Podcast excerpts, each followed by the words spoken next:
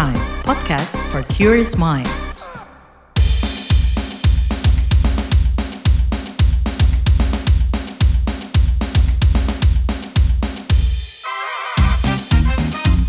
What's Trending KBR Pagi, siaran pagi radio paling update. KBR Pagi, siaran pagi radio paling update. Selamat pagi, apa kabar kalian semuanya di hari Kamis 9 Juni 2023. Kembali lagi saya Don Brady menjadi teman pagi hari kalian semuanya di What's Trending KBR Pagi pastinya. Jadi Menteri Agama Yakut Kolil Komas itu mengusulkan agar pendirian rumah ibadah dipermudah. Caranya, pemberian rekomendasi pendirian rumah ibadah hanya menjadi wewenang Kementerian Agama. Selama ini, aturan pendirian rumah ibadah mengacu peraturan bersama Menteri Agama dan Menteri Dalam Negeri yang dikenal sebagai SKB 2 Menteri. Dalam peraturan itu, pemberi rekomendasi pendiri rumah merupakan kewenangan Kementerian Agama dan Forum Kerukunan Umat Beragama. Lantas jika usulan Menak terkabul, bakal membuat rekomendasi pemberian izin rumah ibadah hanya menjadi wewenang Kementerian Agama dan wewenang FKUB dihapus. Ia beralasan selama ini pemberian rekomendasi kerap mempersulit karena banyaknya pemangku kepentingan yang harus dimintai persetujuan. Usulan itu menuai pro kontra di tengah masyarakat. Majelis Ulama Indonesia menekankan peran penting Forum Kerukunan Umat Beragama atau FKUB sebagai wujud aspirasi masyarakat. Sementara Persekutuan Gereja-Gereja di Indonesia atau PGI mendukung upaya mempermudah pendirian rumah ibadah, termasuk dengan tidak memberi kewenangan FKUB dalam rekomendasi pendirian tempat ibadah. Kita bahas lebih lanjut soal ini, tapi setelah komentar netizen plus 62 berikut ini.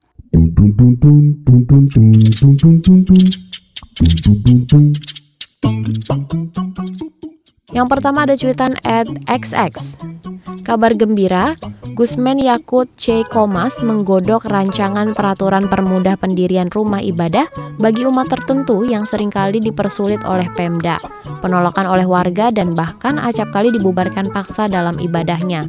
Semoga segera terwujud. At MXX, masih digodok, kapan matengnya? Beralih ke 0XX. Persoalannya tidak sesederhana itu. Di era otonomi daerah, banyak hal-hal terkait perizinan pembangunan di daerah yang merupakan kewenangan pemerintah daerah. Rekomendasi menteri hanya salah satunya. Yang efektif, pemerintah dan DPR membuat UU khusus tentang pembangunan rumah ibadah. Lanjut ke cuitan at XX. Maaf, udah terbiasa skeptis.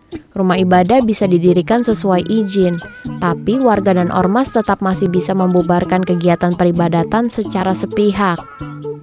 Lalu at nalar XX. Izin mendirikan rumah ibadah untuk saat ini lebih baik diambil alih TNI, pasti aman. Ormas atau kelompok yang tidak setuju dijamin tiarap. Lanjut ke Etnar XX. Nah, ini mantap. Pendirian rumah ibadah nggak perlu lagi rekomendasi FKUB, cukup dari Kemenak saja. Setiap pemeluk agama, baik Mayo atau Mino, punya hak yang sama dalam beribadah ataupun mendirikan rumah ibadah. Gasken Gusman.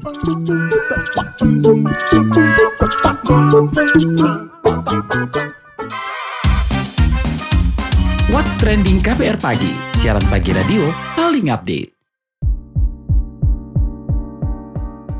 Kita lanjutkan obrolan kita pagi ini. Jadi Menteri Agama Yakut Kolil Komas mengungkap bahwa Kemenak kini sudah mengajukan perpres soal rekomendasi pendirian rumah ibadah hanya berasal dari pihaknya.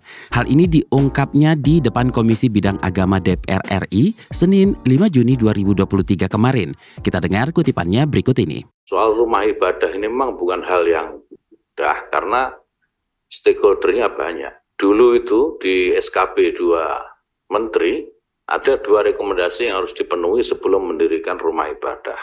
Pertama rekomendasi dari FKUB dan kedua rekomendasi dari Kementerian Agama. Sekarang kami menghapus satu rekomendasi. Jadi di perpres yang kami ajukan, rekomendasi hanya satu saja cukup dari Kementerian Agama. Jadi tidak ada FKUB karena sering kali eh, semakin banyak rekomendasi itu akan semakin mempersulit. Kita coba atasi satu persatu. Nah menanggapi usulan Menteri Agama anggota Komisi 7 DPR Esti Wijayati juga menambahkan perlu adanya penguatan regulasi yang jelas dan mengikat agar pendirian rumah ibadah ini menjadi lebih mudah dan tidak terjadi kembali kasus diskriminasi agama di Indonesia. Berikut pernyataannya. Selama ini memang persoalan pendirian tempat ibadah itu kan ada beberapa kendala. Kendalanya salah satunya memang uh, ada beberapa persyaratan yang tidak mudah untuk bisa dilalui. Kemudian yang tidak mudahnya itu sebenarnya bukan di 60 uh, eh, masyarakat 90 pengguna, tetapi uh, pengambil-pengambil kebijakan yang memang kemudian tidak memberikan persetujuan. Salah satunya terkait dengan FKUP. Dan di dalam SKB dua menteri itu uh, tidak ada jalan keluar.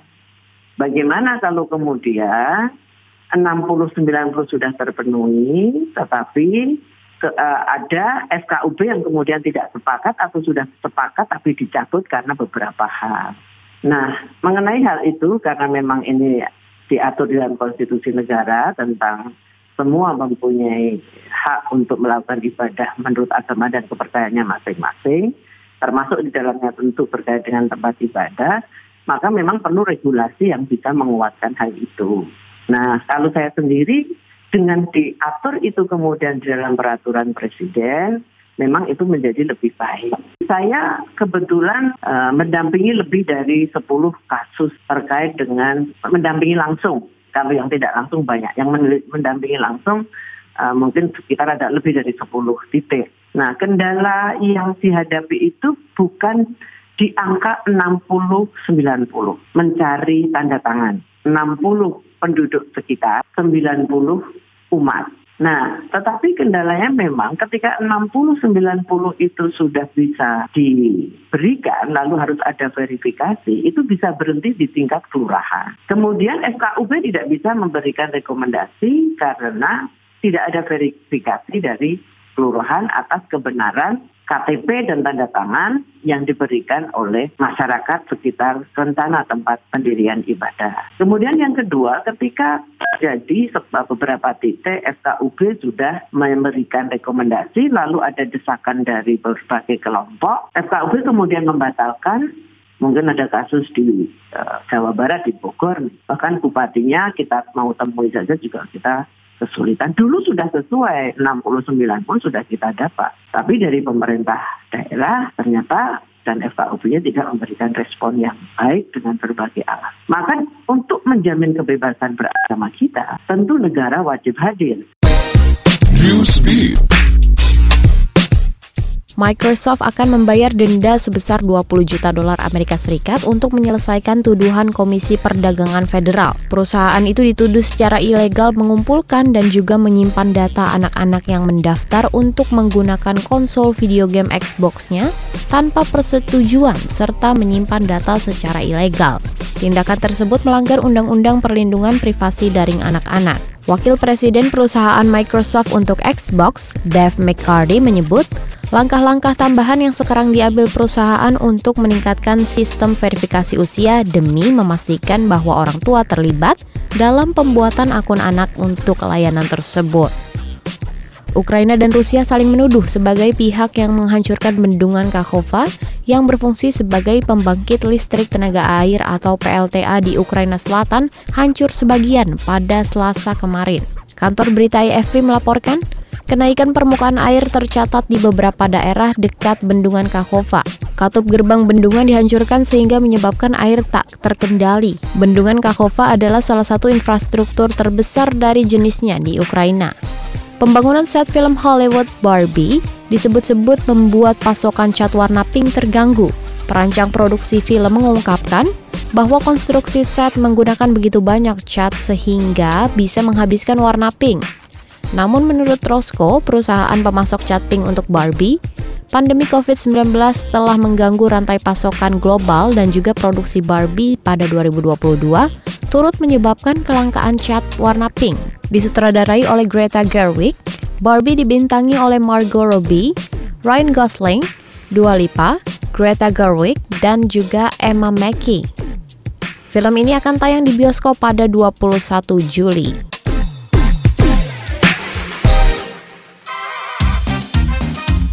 What's Trending KPR Pagi, siaran pagi radio paling update. Kita lagi ngobrolin soal ketika Menak mau mudahkan pendirian rumah ibadah. Nah, setara institut menilai rencana penyederhanaan izin pendirian rumah ibadah hanya dari rekomendasi Menteri Agama saja tidak bakal serta-merta memudahkan izin pendirian rumah ibadah. Pasalnya, menurut dia masih ada tantangan mayoritarianisme pelaku penolakan terhadap masyarakat minoritas yang berniat mendirikan rumah ibadah. Lebih lanjut soal ini kita obrolin bareng Direktur Riset Setara Institut Halili. Oke, Pak Halili, apakah langkah Menteri Agama Yakut mengajukan perpres soal rekomendasi pendirian rumah ibadah hanya berasal dari pihaknya? Bisa serta-merta mempermudah pendirian rumah ibadah? Um, saya kira nggak juga. Tergantung apakah uh, formula 90-60 itu juga disesuaikan karena beberapa persoalan yang mengemuka itu antara lain kan berkenaan dengan syarat persetujuan itu. Maka kalau rekomendasi itu akan disederhanakan dengan cukup rekomendasi Kemenak tidak dengan rekomendasi FOB, maka saya kira uh, ada tuntutan juga untuk menyederhanakan uh, syarat kualitatif dukungan 90 uh, eh, dari calon pengguna dan 60 di luar uh, calon pengguna. Karena uh, formula 90-60 itu sebenarnya ruang sangat besar untuk intervensi kelompok keagamaan di luar calon pengguna uh, tempat peribadatan itu.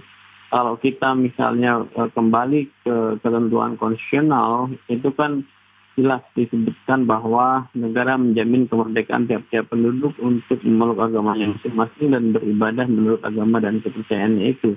Tiap-tiap penduduk itu artinya sebenarnya konstitusi itu memberikan uh, jaminan uh, kebebasan orang untuk memeluk agama dan beribadah menurut agama dan kepercayaannya itu pada entitas penduduk secara perorangan. Negara menjamin kemerdekaan tiap-tiap penduduk. Itu ketentuan pasal 29 ayat 2 yang dirumuskan langsung oleh para pendiri negara. Bukan semata-mata uh, soal perspektif hak asasi manusia saya kira, tapi juga soal um, pilihan ya para pendiri negara menyusun para penyusun konstitusi pertama uh, Undang-Undang Dasar 1945 itu untuk memberikan jaminan itu kepada perorangan. Maka ketika 90 orang kemudian ditetapkan sebagai syarat, itu jelas bertentangan dengan ketentuan konstitusional itu. Dan oleh karena itu, uh, kembali ke statement awal kami bahwa uh, pemberian rekomendasi yang dipermudah itu, diper, dipersimpel, dibuat lebih sederhana itu, itu bukan jaminan. Saya kira uh, pemberian rekomendasi yang lebih sederhana dengan tidak melibatkan FP itu juga harus dibarengi dengan uh, penyederhanaan catat kuantitatif untuk pengusulan uh, perizinan pendirian rumah ibadah itu, terutama untuk kelompok-kelompok minoritas yang memang dari sisi uh, kuantitas itu tidak sebanyak apa yang sekarang menjadi ketentuan di uh, eh, BBM yaitu uh, dengan formula 90 dan 60. Masih ada tantangan lain yang perlu diatasi untuk mewujudkan kemudahan membangun rumah ibadah? Nah, tantangan salah satu tantangannya itu adalah uh, mayoritarianisme yang menguat ya di, di beberapa tempat di daerah-daerah itu itu salah satu hal yang harus diatasi. Jadi uh, penolakan itu sebagian besar kan karena uh, menguatnya mayoritarianisme itu sehingga yang banyak kemudian merasa uh, layak untuk diperlakukan lebih istimewa dibandingkan yang sedikit. Itu problematik tentu saja. Maka salah satu cara untuk menggerus itu adalah dengan mengoptimalkan peran FKUB FKUB itu setelah tidak lagi diberikan kewenangan untuk memberikan rekomendasi perizinan, mengizinkan atau tidak mengizinkan, uh, menyetujui atau tidak menyetujui pendirian rumah ibadah, uh, mereka harus segera dioptimalisasi perannya untuk kembali kepada mandat institusionalnya sebagai forum kerukunan umat beragama. Jadi mereka harus didorong untuk lebih banyak menyelenggarakan agenda-agenda yang berkaitan dengan penguatan kerukunan, dengan kemajuan toleransi di daerah-daerah tempat. Misalnya dengan memperbanyak ruang-ruang perjumpaan antar uh, kelompok atau umat beragama di daerah dan seterusnya dan seterusnya. Saya kira itu agenda yang harus dijalankan secara simultan, secara paralel dengan penyederhanaan syarat-syarat pendirian rumah ibadah itu. Di tataran masyarakat sendiri, apakah permasalahan yang bisa menghalangi pembangunan rumah ibadah serta bagaimana mengatasinya? Ya itu, itu saya kira.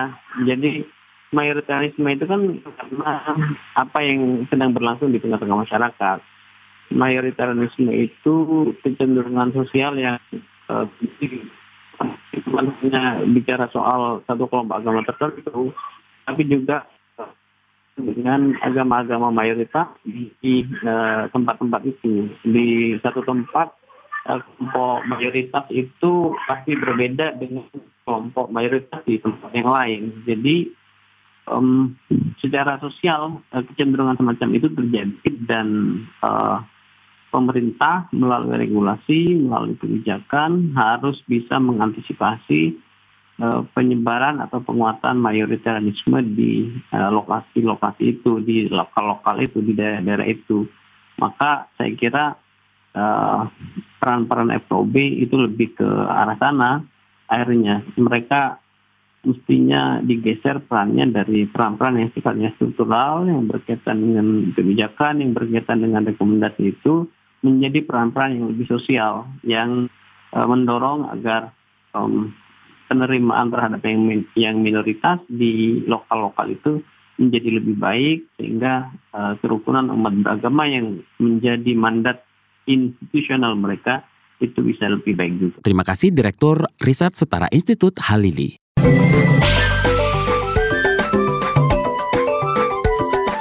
WhatsApp Indonesia. WhatsApp Indonesia dimulai dari Jakarta. Kementerian Pemberdayaan Perempuan dan Perlindungan Anak Kemen PPPA menyebut, kekerasan berbasis gender daring semakin mengancam perempuan dan anak. Itu sebab Menteri PPPA Bintang Puspayoga terus mendorong perempuan dan juga anak di Indonesia untuk memanfaatkan teknologi digital. Namun di saat yang sama, mereka juga harus dibekali kemampuan untuk melindungi diri dari ancaman kriminal di dunia digital. Bintang mengatakan salah satu upaya yang dilakukan adalah melalui Rumah Pintar Sahabat Perempuan dan Anak atau SAPA. Kata dia program pemberdayaan perempuan dan juga perlindungan anak ini mengusung konsep high touch dan juga high tech. Untuk merepresentasikan konsep high tech, Kementerian PPPA bekerja sama dengan RRI dan mengintegrasikan kanal perempuan dan anak ke dalam aplikasi RRI Playgo. Masih dari Jakarta, Badan Pengawas Obat dan Makanan BPOM menggandeng Baris Krim Polri untuk mengungkap penjualan obat, kosmetik, serta pangan olahan berupa susu ilegal yang dijual secara daring. Kepala BPOM Penny Lukito mengatakan, dari penindakan yang dilakukan pada 10 Mei 2023, ditemukan satu rumah yang menjadi gudang penyimpanan barang ilegal tersebut. Gudang itu menyimpan 700 jenis dan sekitar 23.000 buah, meliputi obat kuat khusus pria, kosmetik, dan produk susu ilegal yang pada umumnya merupakan produk impor. Nilai ekonomi dari produk ilegal tersebut diperkirakan mencapai 10 miliar rupiah. Penny menambahkan, penjualan daring dilakukan pelaku dengan menggunakan akun bernama apotek resmi guna meyakinkan para pembeli. Terakhir kita mampir ke Jawa Barat. Perbaikan jalan di Jawa Barat ditargetkan rampung pada 2024. Pemerintah daerah berencana memulai perbaikan jalan itu pada akhir 2023. Menurut Gubernur Jawa Barat Ridwan Kamil, perbaikan jalan yang sebelum pandemi COVID-19 dilakukan berkala ini akan dianggarkan alokasi khusus untuk pengaspalan. Ia melaporkan bahwa jalan provinsi yang harus dirawat dan diperbaiki tinggal 50 km dan tuntas di 2024. Ia menyebut, saat ini tingkat kemantapan jalan di Jawa Barat berada di angka 83 persen. Demikian WhatsApp Indonesia hari ini.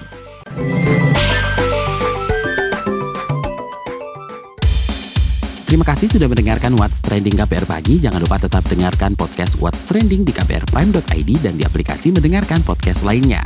Don't Brady pamit, besok kita ketemu lagi. Stay safe, bye-bye. What's Trending KPR Pagi, siaran pagi radio paling update.